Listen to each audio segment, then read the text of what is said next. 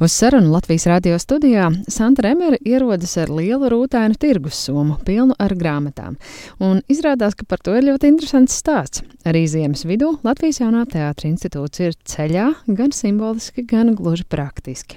Šīs somas teātra institūtā ir jau kādu laiku. Tās ir klasiskās tirgus somas, ar kurām kādreiz braucām uz Polijas vai Viļņas vai Leišu tirgu. Tās bija somas, ko čīliešu mākslinieca Kote ražoja festivāla laikā, aicinot arī citus cilvēkus piebiedroties viņai un sajusties, kā tas ir strādāt šajā manufaktūrā vai darbnīcā, un vai tiešām ražotne ir tāda vieta, kurā tikai mēs ciešam un kur viss ir grūti, vai arī spējam gūt arī kaut kādu prieku, vai šajā, vai arī tirgošanās ar lietām un savstarpējā apmaiņa var būt priecīga un pozitīva vide. Man šķiet, ka kopumā šī pieredze festivāla dalībniekiem bija pozitīva, un to vietu sauca Gucci fabrika, atradās uz Kāļķu ielas vairākus gadus pēc kārtas festivāla laikā, un tās dažas somas mums ir saglabājušās, un tās ir izturīgs ietvers, kurā nes citus festivāla materiālus. Man ir pilna soma Rīgas grāmatām, kas savukārt bija vēl viens projekts, ko mēs kopā ar Endiju Fieldu šogad darījām, un 170 bērniem kuri uztaisīja ceļvedi no bērnu skatu punkta. Izrādās, ka visi šos ceļvežus vēl nav dabūjuši. Ne visi bērni atnāca uz grāmatas atklāšanu, tāpēc es braucu uz ķēngaragu, aizvest šodien ķēngaraga bērniem tās grāmatas, pie kurām viņi strādāja, tiem, kam vēl nebija. Rīgas grāmata ir tāds viens lielais pagājušā gada projekts, ko īsteno jaunā teātra institūts. Kā vispār ir klājies institūtam pagājušā gadā? Kā jūs atskatāties uz padarīto? Kā tev, Sandra? Tas ir bijis pārmaiņu gads, tas ir bijis arī ļoti daudz tādu mazo un lielo izmeklējumu gads. Jo jau pagājušajā gadā mazliet ievirzījās tas, ka ar šo gadu institūta mākslinieckā vadība, mākslinieckā vadītāja mainīsies, un tad, principā, pagājušā gada nogales, teiktu, bija tāda gatavošanās, ko tad eh, mēs darām tālāk. Sandrs Lapkovskis minētās izmaiņas institūta un festivāla Homonovas mākslinieckajā vadībā ir viens no mūsu tikšanās iemesliem. Pirms trim gadiem no ilgadējās direktoras Gundagas Laiviņas Homonovas un visa jaunā teātra institūta māksliniecisko vadību pārņēma Beka Bergere, austrāliešu kuratore, producente un māksliniece, kura festivālu Homonovus pirmoreiz apmeklēja 2018. gadā, un pēc pašas vēlāk intervijās teiktā sajūtās šeit kā mājās. Drīz vien viņa kļuva par visa festivāla radošo motoru, turpinot Gundagas laiviņas atvērtības principu un īpaši akcentējot visas sabiedrības iekļaušanu laikmatīgā teātra procesā. Sarunāt Beku Bergeru uz šo interviju diemžēl neizdodas. Tāpēc jautāju Santai Remerē un Sandrai Lapkovskai, kāds ir pārmaiņu iemesls. Beka Bergera joprojām arī būs festivāla kuratora. Mēs būsim divas šajā gadā. Mēs veidojam tādu to programmu kopā, jo Beka viņu ir diezgan pamatīgi iesākusi. Un es savukārt no savas puses kaut ko arī pielieku klāt. Mēs pašlaik veidojam festivāla programmu. Beka tātad ir austrālieta. Viņa nav dzimusi un augusi Latvijā.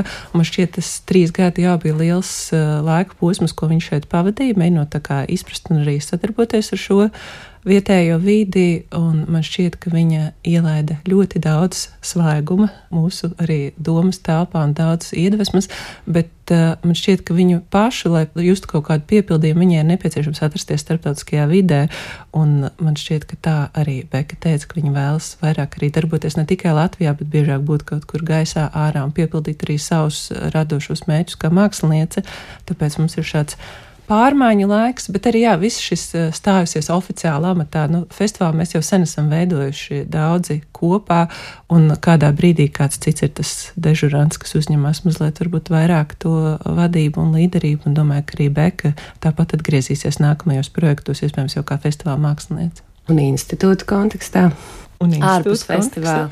Kopš eh, pirms trijiem gadiem, kad eh, jau nomainījās no Gundagas lēviņas uz Beku Bergeru, tas bija tāds jauns posms, un es teiktu, institūtam un vietējai vidēji arī, dzen, visam kaut kas svaigs un nebijis, ka ir startautisks kurators, kurš, nu, tā kā ilgākā periodā paliek šeit Latvijā un ne tikai veido festivālu, bet veido visus citus institūtu projektus. Un šo trīs gadu laikā, kā jau Santa pieminēja, Bekai ir bijis iespēja ievest šo te jauno, bet eh, kā tuvāko vai nākotnes eh, gadu kontekstā mēs vēlamies vairāk varbūt eh, koncentrēties vai paskatīties atkal jau uz vietējo vidu, ar kur mēs esam sadarbojušies, bet iespējams, ka tagad, eh, nezinu, nākamajos gados mums ir tāda vēlme vēl mazliet ciešāk to darīt un mērķiecīgāk sadarboties arī ar vietējo vidi. Nu, brīnišķīgi būtu, ja mums varētu būt vairāk darbinieku, jo sanāk tā kā tam institūta vadītājiem, festivāla kuratoram ļoti daudz funkcijas. No vienas puses ceļot un redzēt visu to jauno, kas notiek pasaulē un apkārt, un no otras puses būt uz vietas un būt atvērtam, lai birojā var atnākt un aprunāties. Un tā kā izbalansēt šīs uh, abas funkcijas ir mazliet sarežģīti, bet nu, tas ir tas, ar ko institūts un homonovs mm. ir slaveni, ka mēs, protams, atrast netradicionālus risinājumus un, un doties uz priekšu arī ar lielām summām un vairāk pienākumiem. Un tas, kas vēl man liekas, ir būtiski, ka festivālam tuvojas 30 gadi, tas jau būs pēc gada. Un šis ir tāds apzināšanās moments, kurā gribas arī padomāt par to, kas jau ir izdarīts un kas vēl ir jāizdara tās ir arī mazliet nostalģisks brīdis, kurā gribas kaut kā savest visus kopā, visas tās paudzes, kas mēs esam auguši ar festivālu un ko mēs ar Sandru arī pazīstam labāk, jo mēs paši esam tā paudze, kas burtiski no agriem tīņu gadiem ir uzaugušas ar šo mākslu un institūciju. Un, jā, tas, ko es būtībā daru jau Kopš gada sākuma es rokos caur arhīviem un skatos visas šīs programmiņas, visus šos mārketinga materiālus un programmas, kā ir bijušas sastādītas un kas ir bijis izdarīts. Un tas ir tāds ļoti piepildījušs un jā, tāds refleksīvs ceļojums pagātnē ar domām par nākotni. Mm. Un tā sajūta ir tāda, ka tur ir jāpavada ilgāks laiks, un tur tomēr varbūt prasās, ka šajā brīdī ir tas vietējais es nenoliedzu, un domāju, ka varbūt pēc kāda laika tas būs arī kāds cits cilvēks, bet man liekas, kurš šo 30 gadu gribas savienoties visiem kopā, kam šī kopiena jebkad ir bijusi svarīga un kaut kā jā, tā nopaļoties. Mm. Tas nozīmē, ka programmā būs arī vairāk vietējo mākslinieku priekšnesumu un 24. gadā, tātad mums vēl ir tikai 29, bet, kā jau teicu, mm. mēs dzīvojam nākotnē. Arī 24. gada programmā šobrīd izskatās, ka ir tāds spēcīgs puses pusi, ir diezgan daudz iecerēta arī latviešu pārstāvniecība un arī daži sadarbības projekti, kurā būs gan latvieši, gan ārzemnieki, bet arī pāris spilgt mākslinieki no citām valstīm. Mm. Noslēpumus vēl neatklāšu. ne, jo gan festivālam, gan arī citiem institūtu projektiem tā prioritāte arī vienmēr ir bijis tas Latvijas mākslinieks, vietējās skatuves mākslas pārstāvis. Varbūt, ka citreiz eh, tas ir sadzirdēts vairāk, citreiz tas ir sadzirdēts mazāk, bet visos festivālos vienmēr ir nu, tas Latvijas skatuves mākslinieks, jaunais, eh, vienmēr kaut kādā veidā ir bijis iesaistīts. Un ne tikai mākslinieks, bet arī skatītājs, Jā. jo runa ir tieši par to sadarbību. Un mēs arī neesam gluži tas festivāls, kas koncentrētos tikai uz mākslinieku, un tas arī nav šis kūrēšanas veids, kas rūpējas tikai par objektu. Mēs kā teātris festivāls rūpējamies par pieredzi un tieši šo skatītāja un mākslinieka satikšanos. Un starptautiskā dimensijā pieviena arī. Jā. Domājot par vietējo mākslinieku, skatītāju un topošo kultūras rīkotāju pieredzi caur mākslu, viens no sirdī tuvākajiem festivāla Homonovas pēdējā laika projektiem gan Santai Remerei, gan Sandrai Lapkovskai ir Homonovas apvērsums jauno kuratoru programma sadarbībā starp Latvijas Jaunā teātra institūtu un Rozendāla teātri Norvēģijā, kurā piedalījās pieci pusauģi no Latvijas un pieci no Norvēģijas. Jā, tā bija Bekas un uh, kuratoru no Norvēģijas ideja to visu veidot, bet uh, Santa Remer un arī es mēs ļoti cieši strādājam pie šī projekta, un šis projekts arī beidzās pagājušajā gadā, bet mēs domājam par šo sadarbību ar jauniem cilvēkiem arī nākotnē un varbūt mazliet vēl pat plašākas citas grupas jauniem cilvēkiem tieši tādēļ, ka mūs iedvesmoja šis projekts un, un visi tie rezultāti, ko mēs redzējām no jauniešiem, un viss tā enerģija un svaigums, ko viņi spēja pienest arī ar tādu kritisku aci, paskatoties uz lietām.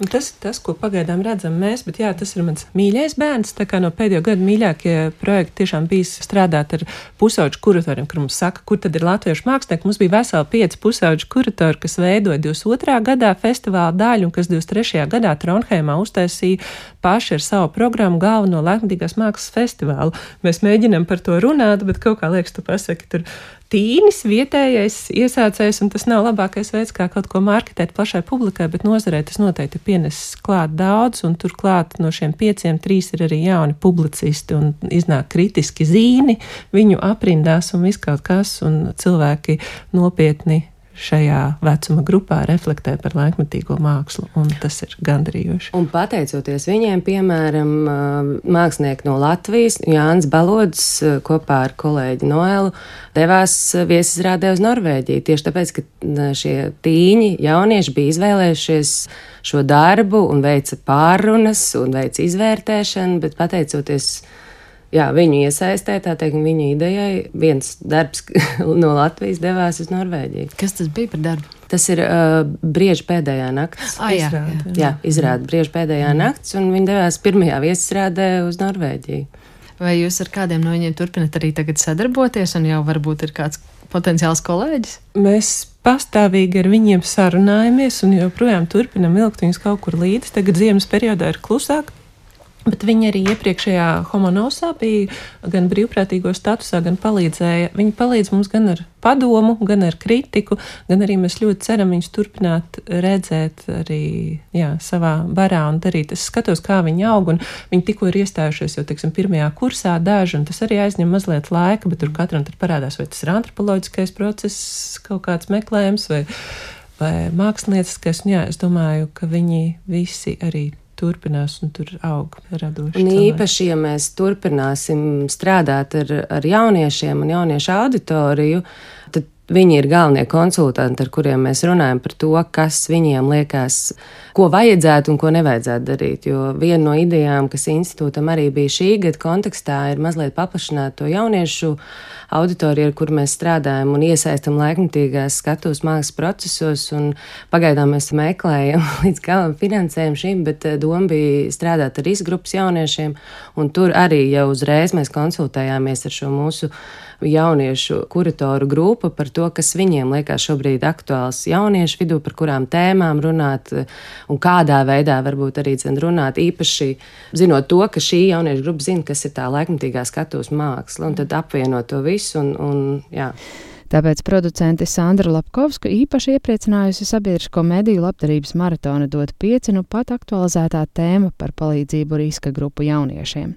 Arī viņa teātra projektos iesaistījusi, piemēram, cēsu nepilngadīgo audzināšanas iestādes puišus, ar kuriem jau daudzus gadus strādā arī cēsīs dzīvojošais itāļu režisors Alberto Di Genaro. Alberto strādāja arī pagājušajā gadā kopā ar Rutskas mākslas fondu, veidojot izstādi un iesaistot arī puišus.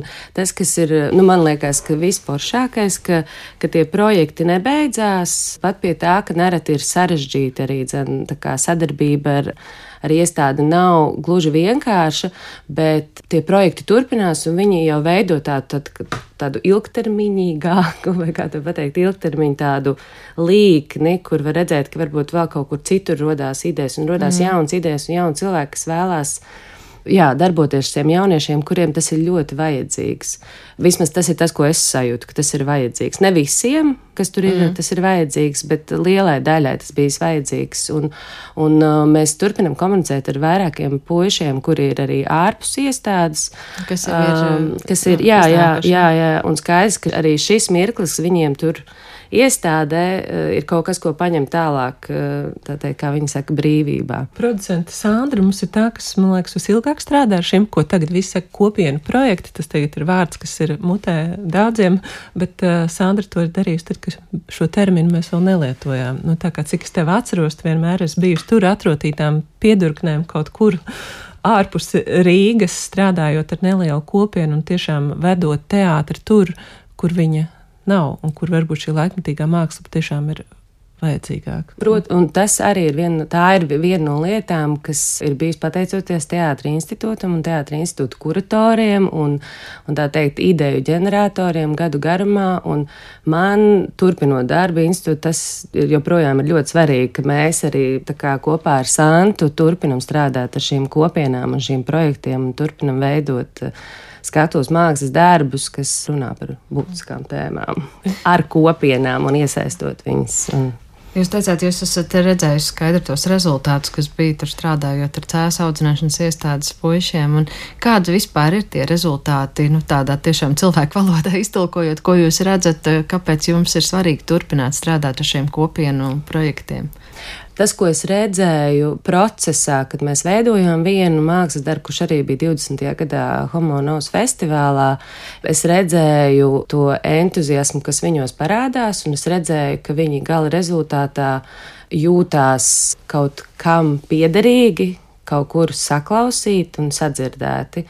Mums bija jāvelk ļoti daudz laika arī dzen, lai kā, iedrošinātu viņus, ka ir būtiski runāt par to, kas jums ir aktuāli, ka kāds ieklausīsies, ka tas, ko mēs kopā izveidojam, ka jūs arī esat daļa no tā, nevis kāds cits izdomā, kas jums ir jādara, bet jūs esat tie, kas to veidojat. Un es teiktu, nu, tie rezultāti ir tādi vairāk cilvēciski, ikdienišķi, un uh, pēc tam tā kā tas mākslas darbs atradās ārpus iestādes, jo tas vēl bija post-covid laiks, tad eh, skatītāji, kuri piedzīvo šo pieredzi, redzot viņu komentārus, tālāk sūtot puišiem vēstules pēc šī mākslas darba apmeklējuma, tas viss veidoja tādu iedvesmas, motivācijas arī dzenu un, un es teiktu, jaunas informācijas apli, ko gan skatītājs uzzināja, un ko viņš spēja sniegt puišiem, un ko puiši spēja sniegt šim skatītājam, un savā veidā arī atvērt acis. Sarunas noslēgumā ar Sandru Lapkovsku un Santu Remeri pieskaramies arī trim pandēmijas gadiem, kas atstājuši nospiedumus arī festivāla Homonovu saudumā, liekot vēl plašāk izjust teātra kā dzīves mākslas nozīmi, ļaujot ieraudzīt lielāku intimitāti un vēl vairāk eksperimentēt ar teātra formu bet arī šogad neizbēgami teātra veidotāju nervu galus ir nospriegojis karš Ukrainā. Un es atceros tieši to brīdi, kad pandēmija bija tā kā pieklususi un atbrauca viena viesmāksliniece, tur pastāstīt kaut kādu lekciju. Viņa teica, kāds prieks jūs redzēt dzīvus angļu valodā. Un es domāju, nu, tas gan ir drosmīgi, jā, jo Ukrainā tikko ir sācies karš, un mēs šeit joprojām varam priecāties par to, ka viens otru redzam dzīvus. Bet viņi pārteicās, viņi, bet prieks jūs redzēt dzīvē, un viņi atsaucās uz šo, ka mēs visu laiku tikāmies online, bet mās, ka šeit mūsu reģionā jau kaut kur domas bija aizpildējuši mm. pie tā, ka prieks vienkārši redzēt cilvēkus apkārt dzīvus. Jā, un, diemžēl par to būs jāturpina domāt arī jā. šī gada festivāla un, kontekstā. Un, jo tā sajūta jau nekur nav palikusi, un tikai vēl tāda drūmāka tam visam ielikstot. Nu, viens ir drūmāka, otrs ir, ka gribas tam kaut kā pretoties, gribas par to runāt. Un, un man liekas, ka mēs, nu, visi cilvēki, kas jūt un domā, nevar uh, nedomāt par, uh, par pasaules šiem agresijas un vardarbības piepildītajiem momentiem. Un jā, šobrīd mēs esam mazliet tālāk no epicentra, bet uh, domāt par to, kas ir vardarbības kodols un kā mēs varam viņu vēl varbūt šķetināt un ko mēs varam līdzēt vai kā būt kopā, kā būt kopā arī šajos smagajos brīžos. Man šķiet, ka arī mēs neatradīsim plāksteri. Nav atbildes un nav risinājumu, bet mēs varam turpināt būt vienkārši cilvēki un cilvēciski un, un atbalstoši un skatīties tam pāri. Es, ne, es vienkārši tikko redzēju Sibīrijas haiku, Leļu teātrī un arī domāju par to, cik liels Valters Sīls ir uzlicis fokus uz to, kā strādā mākslinieks. Ka viens ir tas, tā šausmīgā situācija un liekas, ka tu esi aizvests jau burtiski vienu milimetru pirms nāves, un daudz no šiem uz Sibīriju izvestiem cilvēkiem arī iet bojā, bet šajā brīdī, kurā tu vēl esi dzīvs, ka tur ir vēl šīs sēkliņas, ko tu vari audzēt, kurā ir vēl šīs domas, ir šis otrs cilvēks, kurā vēl ir iespējams to dzīvību saglabāt un atmiņu saglabāt, lai no šīs mazās atmiņas pēc tam turpinātu audzēt nākotni un jā, turpināt šo civilizāciju. Arī jūs sanācat redzēt? Jā, jā, jā mhm. pilnīgi. Tas ir viens no pēdējo pāris nedēļu spilgtākajiem darbiem, emocionāliem. Un arī tas, vē, jūs bija kopā ar māsu dēlu, kurš ir lasījis grāmatu, un, un viņš spēja izsekot tam stāstam arī dzen, un to. Un, un viss, ko es spēju, ir vienkārši turēt asaras un neraudāt. Bet uh, pilnīgi piekrītu Sāns teiktajiem par to, ka ar kaut kādu formātu tomēr to vieglumu parādīt šo smago tēmu, bet arī tādā saprotamā visiem valodā, man liekas, un tā tehnika un tiešām. Un vēl tas īls ir bijis arī institūta projektos. Jā, Jā. vairākos institūta projektos Alters Sīls. Runājot par, mums vienkārši ir savstarpēji bijušas sarunas par tiem teātrus un skatos māksliniekiem, kur šobrīd ir eh, aktīvi vienā vai otrā teātrī, vienā vai otrā nozarē. Institūts ir atstājis pēdu lielā vairumā no viņu profesionālās karjeras, es teiktu. Nu, nezinu, vai mēs esam atstājuši pēdu, bet katrā ziņā, man liekas, Jā. gandrīz visi jaunie teātri veidotāji ir kaut kā izgājuši arī caur kādu institūtu darbiņu, vai vismaz redzējuši, un ka tur kaut kāda aputeksnēšanās notiek.